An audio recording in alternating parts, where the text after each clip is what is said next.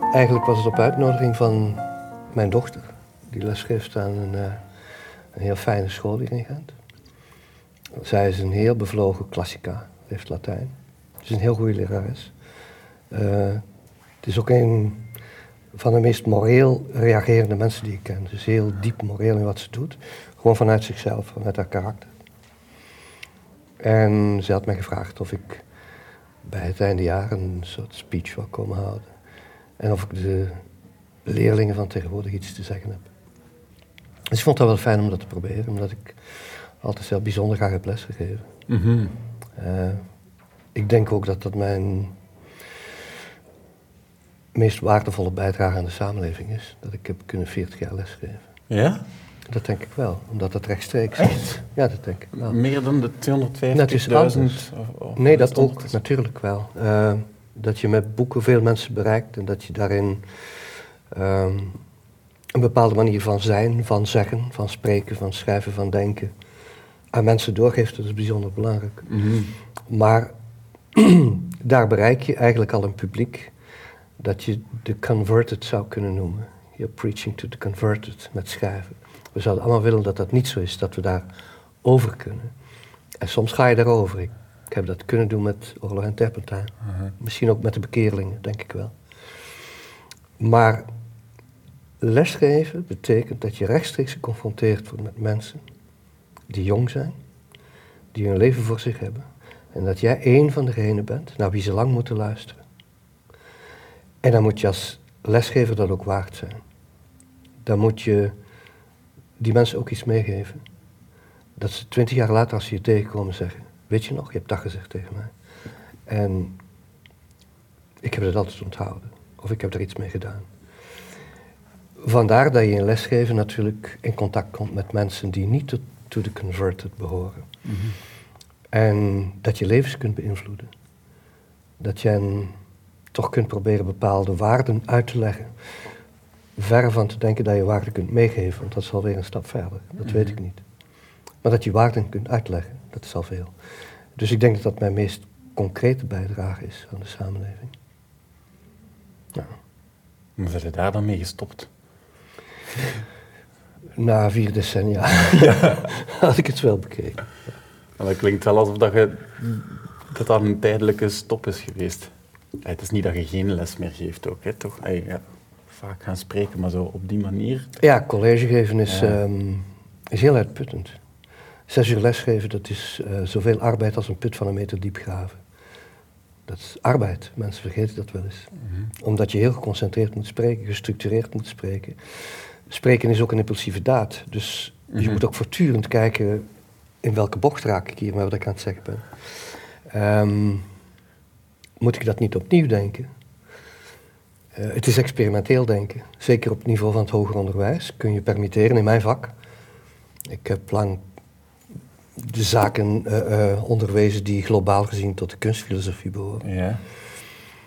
Um, kun je experimenteren terwijl je aan het spreken bent. Je kunt ook zeggen na een uur, blijkbaar klopt mijn lezing van dit of dit filosofisch probleem niet. ik heb dit al tien jaar verteld en ik kom er nu achter dat het misschien niet klopt. Door het zelf te verwoorden? ja, doordat je zelf het hoort zeggen. Ja, en denkt, maar is dat wel zo? Studenten die zijn opgevoed in, in autoritaire contexten, die schrikken dan enorm. Die denken, ja. die man heeft ze niet allemaal bereid. Ja, ja, ja. Waar is onze waarheid naartoe? Ja, ja, ja en, en waarom spreekt hij dan als hij het niet zeker weet? Mm Terwijl voor mij het spreken juist eruit bestaat dat je begint te spreken omdat je het niet zeker weet. Dus je moet, je moet kijken welke attitude je hebt tegenover het spreken. Als je begint te spreken omdat je denkt, ik weet iets eigenlijk niet, dan spreek je volgens mij op een veel openere manier dan wanneer je zegt, ik wil spreken want ik heb iets te zeggen. Uh, wanneer je begint vanuit het standpunt, ik wil spreken want ik ben er niet helemaal uit, met studenten, dan creëer je volgens mij ook veel meer een gemeenschap. Dan zijn ze meteen ook uitgenodigd om mee te denken en sta je op hun niveau. Jongens, meisjes, ehm, wij weten dit niet. Laten we proberen de komende twee uur erachter te komen of het mogelijk is daar iets zinnigs over te denken. En in die zin is lesgeven zeer intensief. Vraagt dat veel energie, veel geweldige energie. Heel mooi adrenaline ook. Maar na 40 jaar Mhm. eh, dacht ik, ik heb mijn energie nu nodig voor het schrijven. Want dat werd ook steeds belangrijker. Ehm, dus het is een mooi afscheid geweest. Het is ook wel kwetsbaar om zo voor zo'n groep mensen te staan, lijkt mij. Kwetsbaarder dan eh, op het eerste zicht. Hè. Ja, maar zo je- de, de waarheid te verkondigen en je weet dat je toch niet... De kans klein is dat je uitgedaagd gaat worden daarop. Ja, maar een, een, een, een geheim van het lesgeven is dat als je je niet als een autoriteit opstelt, maar als iemand die uitnodigt, dat je dan plots autoriteit krijgt van je studenten. Ah, het is een trucje. Het is- nee, het geen als het een truc is, werkt het niet. Ja. Het moet echt zijn. Je moet het echt menen. Dat je zegt, kijk, ik wil het met jullie delen. Ik weet natuurlijk meer, want ik heb langer kunnen lezen dan jullie al. Ik heb langer kunnen nadenken. Ik heb ook meer ervaringen in mijn portefeuille zitten. Mhm. Maar omdat je de autoriteit, niet dat je ze afgeeft, maar omdat de autoriteit niet jouw eerste inzet is. Omdat het niet over die autoriteit gaat, maar over wat je wil meedelen, Ja. krijg je van hen een natuurlijk gezag. ja, en gefundeerder. Omdat het veel verder is als verhouding. Ja. Ik heb bijna nooit moeten studenten tot de orde roepen of zo. Een student tot de orde moeten roepen betekent dat je faalt. Dat je niet voldoende fascineert. Dus je moet, ehm, je moet zorgen dat je studenten willen luisteren naar wat je zegt. Eh, dat is veel eisend voor jezelf ook. Maar daardoor creëer je ook veel meer een gemeenschap van mensen die samen met jou willen denken. Ehm, ik heb onderwijs altijd als dat soort uitnodiging gezien. Van laten we samen proberen nadenken. En kijk, ik weet redelijk wat. Ik heb redelijk wat mensen gelezen die daarover opinies hebben. Dus ik kan jullie vertellen dat die en die, dat Kierkegaard dit zegt, dat Heidegger dit zegt, dat Hegel dat zegt. Maar dat betekent niet dat we eruit zijn. Dat is een uitnodiging om na te denken over het probleem. Er zijn verschillende manieren om het bepaalde probleem waarover je het hebt, eh, waarover je het hebt eh, te verklaren. Laten we een paar van die verklaringen proberen. Waarmee je natuurlijk ook communiceert dat er geen definitieve verklaring is. En dat je het zelf op jou moet nemen om te checken wat je denkt dat juist is. Dus ik denk dat dat, ja, maar dat is een heel fijne manier van lesgeven. Dat is ook heel, eigenlijk is dat heel ontspannend ook. Het is uitnodigend. En omdat het een ontspannende uitnodiging is, kun je je enorm inspannen samen.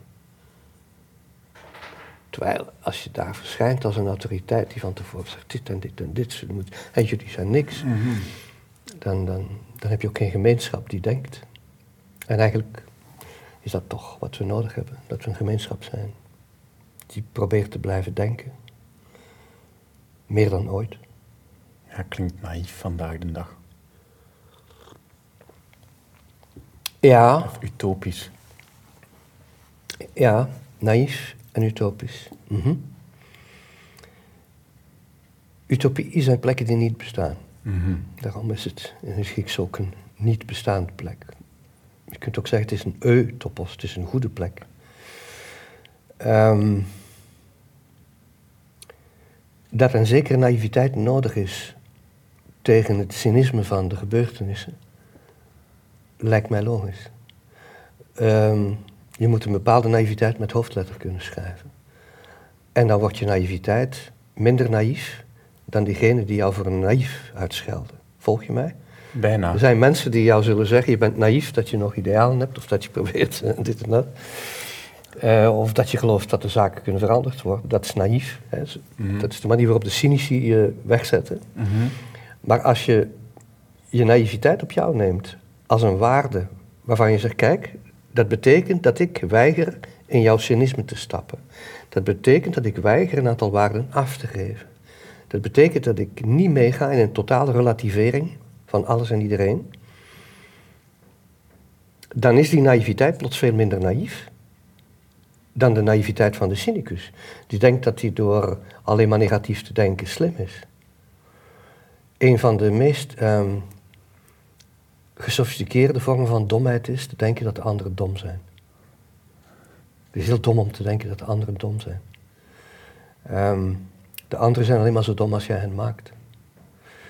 Dus een bepaalde naïviteit, het is een moeilijk woord, ik wil er wel blijven over nadenken. Een bepaalde naïviteit zou moeten kunnen betekenen dat je bereid bent om opnieuw de grondvraag te stellen. Wat is er ooit naïver geweest dan Heidegger die opnieuw de vraag van Aristoteles en, Plato wou stellen, van wat is het zijn? Je kunt geen dommere vraag stellen, maar het is ook de meest ongelooflijke vraag. En door het stellen van de grondvragen, dus door naar, naar die basisnaïviteit terug te keren, kom je erop dat die dingen eigenlijk zelden goed doordacht zijn. Dus je zogenaamde naïviteit is de bron van uw, juist van uw overwinnen, van, van een dwaze naïviteit. Uh, ik probeer altijd zo, zo dialectisch mogelijk te denken. Dat je dus een begrip neemt ja. en dat je kijkt, als je het omdraait, is het misschien zijn tegendeel. Hoe bedoel je? Dat je bijvoorbeeld, als je utopisch denkt, ja. om het andere begrip te nemen, dan kun je voor een, kun je weggezet worden als een goed mens, als een naïveling, noem maar op. Maar als je goed kijkt wat een utopie is, dan is het misschien helemaal niet zo naïef om aan utopie vast te houden. Dan is het misschien juist naïef om te zeggen dat utopieën naïef zijn. Zie je? Dus dat is die omkering altijd. Mhm. Misschien is het heel naïef om te denken dat je niet goed moet zijn. Misschien is de samenleving die men wil bouwen, vandaag de dag politiek, gebaseerd op een soort wantrouwen van de anderen. Dat de anderen toch maar gaan profiteren. Dat je ze dus maar moet straffen en het moeilijk moet maken. Dat het systeem aan alle kanten moet worden afgedekt. Um, omdat men van tevoren eigenlijk al denkt, de mens is niet goed, de mens is slecht, hij gaat profiteren. Dus laten we al die deurtjes sluiten en een samenleving maken die zich afschermt tegen iedereen die ervan wil profiteren. Dan krijg je waarschijnlijk na een tijd een samenleving die desintegreert. Omdat ze geen enkel venster op buiten niet meer heeft. Omdat ze alleen met zichzelf bezig is. Mhm. En dat ze dreigt te imploderen. Heel erg nationalistische staten hebben het nooit lang uitgehouden. Er treedt een soort implosie van het ik en van de identiteit op, waardoor ze juist het tegenovergestelde bereiken van wat ze wilden. Lijkt dat mensen misschien ook worden hoe dat ze gezien worden. dat... Ja, ze, omdat ze heel erg met de perceptie bezig zijn van daarbuiten. Ja. Trump bijvoorbeeld is een goed voorbeeld. Hij is voortdurend als een kind bezig met hoe denken de mensen over mij en over Amerika. En als ik Amerika weer groot wil maken, dan moet ik een soort struis, stoer, beeld neerzetten van iemand met wie je niet kunt zollen. Juist daardoor is hij ongelooflijk naïef. Omdat er geen echte utopie meer is van het Amerika van de tijd dat ze aan, hun eigen grote American Dream geloofden. Daardoor is het juist een karikatuur geworden. En daar ontbreekt dus de naïviteit van de utopie in. Um, daaraan kun je zien dat de naïviteit van de utopie niet naïef is, maar dat ze uh, probeert het bestaande en alles wat er is te corrigeren. Door te zeggen, ja, maar we hebben toch ook een beeld. We hebben toch ook een punt waar we naartoe bouwen, wouden. Waar we vroeger naartoe wilden. Dat, we hadden dat toch. Um, mogen we eraan herinnerd worden dat er waarden waren, utopische waarden, die ons allen een beetje uh, ophieven, die ons allen een beetje in een, in een verband bracht dat niet louter pragmatisch, niet louter technisch, um, niet louter functioneel was.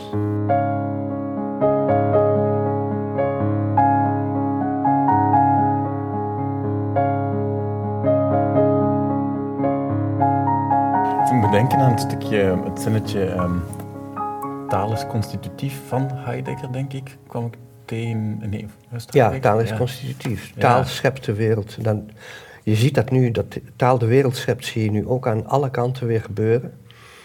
Uh, taal beschrijft de wereld niet, taal schept een wereld. Dat vind ik wel een grote.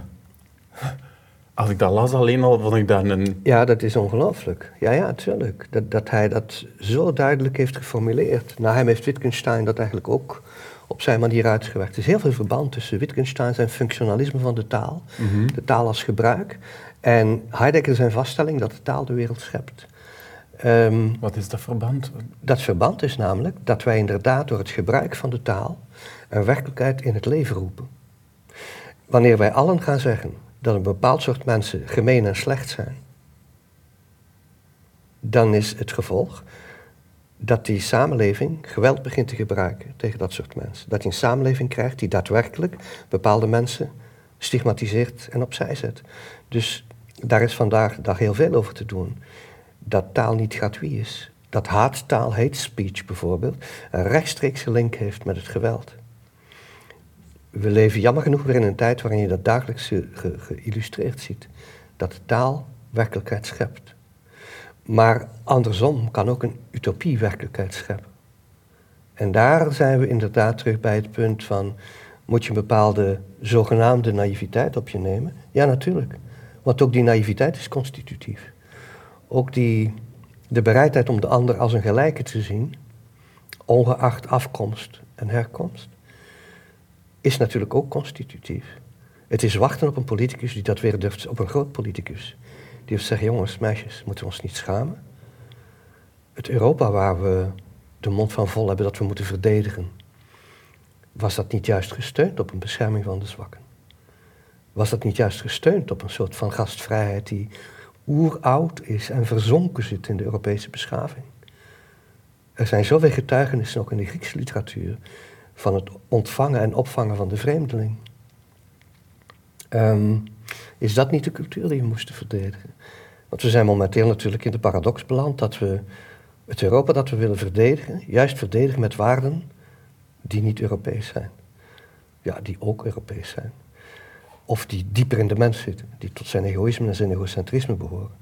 Maar de Europese beschaving waar iedereen altijd over spreekt, was toch juist de overwinning van dat individualisme en dat denken in een groter geheel. En nu zien we dat dat groter geheel een heel eng iets is geworden. Een, een soort identitair iets dat excluderend denkt, waar anderen moeten van uitgesloten worden. Terwijl die Europese waarden waren juist andersom. Dat was emancipatie. En emancipatie betekent de relativering van jezelf. Emancipatie is de laatste jaren geworden ikke, ikke. En nee, emancipering is inzien dat je relatief bent. Als je zegt dat die andere waarden die nu verdedigd worden dieper zitten in de mens, gaan we dan niet mee in, in dat pessimistisch mensbeeld? Dat we zeggen van, het is in de diepte zit het egocentrisme en, en de, de kantjes. we zijn boven onszelf uit beginnen stijgen door waarden te creëren, te bedenken met ons allen die ons mm. beter doen verhouden ten opzichte van elkaar. Zou kan het ook dat, het, dat we in de kern eigenlijk niet zo egocentrisch zijn. En dat ze spreken over in de diepte, dat we misschien in de diepte juist menslievender zijn dan dat we... Ja, daar kom je op de, de oude vraag van Rousseau. Hè. Is de mens inherent goed? Mhm. Of is het Schopenhauer en Nietzsche die gelijk hebben, de mens is inherent slecht? Ja, of dat beide. ja, ik denk dat die, de mens is volgens mij een machine die door twee tegengestelde impulsen wordt gegijzeld. De eerste is zelfbehoud en de tweede zijn uw spiegelneuronen. ja, oké. Die twee dingen. Aan de ene kant wil jij, jezelf, wil jij aan zelfbehoud doen. Dat zit zeer diep in jou. Je wil, dat, dat, dat is de levenswil in jou. Maar aan de andere kant heb je spiegelneuronen, waardoor je herkent dat die ander, wanneer die in nood is, eigenlijk voor hetzelfde vecht als jij. Dus daar ontstaat je solidariteit, omdat je ziet dat die ander hetzelfde leed kan kennen. Maar anderzijds heb je dat zelfbehoud. En die twee zijn natuurlijk voortdurend in conflict met elkaar. En daaruit ontstaan die twee filosofieën. De een die zegt, ja, de mens is eigenlijk inherent slecht. En de ander die zegt, de mens is inherent goed. Maar het punt is dat hij die twee tegelijk is. Dat je soms iets goeds kunt doen vanuit je egoïsme. En dat je soms iets heel slechts kunt doen, terwijl je het misschien goed had bedoeld. En als je die twee dingen tegenover elkaar ziet, dan zie je de basis van de hele moraal. Van ons voortdurend vechten. En ook van het feit dat we bij onszelf vaststellen dat we zowel zelfzuchtig zijn als uh, altruïstisch zijn. Dat we die beide zijn. Dus als je vaststelt dat die twee dingen, jou en mij, fundamenteel aandrijven als tegengestelde krachten. En we komen terug op wat je daarnet zei, dat die taal constitutief is. Dan betekent dat ik met taal in de mens het een of het ander kan aanwakkeren. Ik kan hem ofwel op zijn zelfzuchtige kant aanspreken, of ik kan hem aanspreken op zijn altruïstische kant. En de mens is beïnvloedbaar. omdat hij spiegelneuronen heeft. Dus vandaar de grote verantwoordelijkheid van politici en van hoe ze praten. Als een politicus vandaag de guts zou hebben om op te staan en te zeggen, jongens, we moeten nadenken over de waarden die we verdedigen in dit Europa. Als je een speech zou hebben zoals Attenborough het over het klimaat kan, maar dan over de moraal van vandaag, dat zou misschien ook wel een aantal accenten verleggen in de samenleving. Waar het voortdurend gaat niet over zelfbehoud en angst. Je zelfbehoud is er niet mee gediend dat je alleen aan zelfbehoud denkt. Je zelfbehoud is ermee gediend dat je aan de anderen denkt. Dat is beter voor je zelfbehoud. Je wordt daar een sterker mens door. Als je alleen aan jezelf denkt, word je een zwak mens. Word je een angstig mens. Dus het is pas als je aan de anderen kunt denken, met de anderen rekening houden, dat je ook een sterk zelf wordt. Ook dat is zo paradoxaal. Ja, het wordt zo bijna naïef om enkel aan dat zelfbehoud te denken. Hey, dat wordt ja, natuurlijk. Alleen aan je zelfbehoud denken is de dood in de pot natuurlijk. Um, heel dat identitaire discours voor een samenleving ook. Ehm, dat is niet interessant. Je weet eigenlijk pas wie je bent wanneer je gespiegeld hebt in de anderen. Wanneer weet jij, wanneer weet ik dat je een Vlaming bent? Als je in New York rondloopt, of in Hongkong, of in Tokio, dan weet je dat je een Vlaming bent. In dat Vlaanderen zelf zit je met het gelijke. En dat is het vanzelfsprekende. En dan vergeet je eigenlijk wat dat impliceert. Het is pas wanneer je met het vreemde wordt geconfronteerd, of wanneer we samen een wandeling maken door Molenbeek, dat je daar andere mensen ziet samenleven, die het op hun manier ook proberen. En die absoluut niet allemaal slecht zijn. Die zeer veel goede wil hebben, die echt willen integreren. Zo zijn er heel erg veel. Dat je daar ziet met hun waarden, dat ze het ook proberen. En dat je dan denkt, ja, mijn waarden zijn lichtjes verschillend. Dat en dat deel ik met hen, maar dat en dat deel ik niet met hen.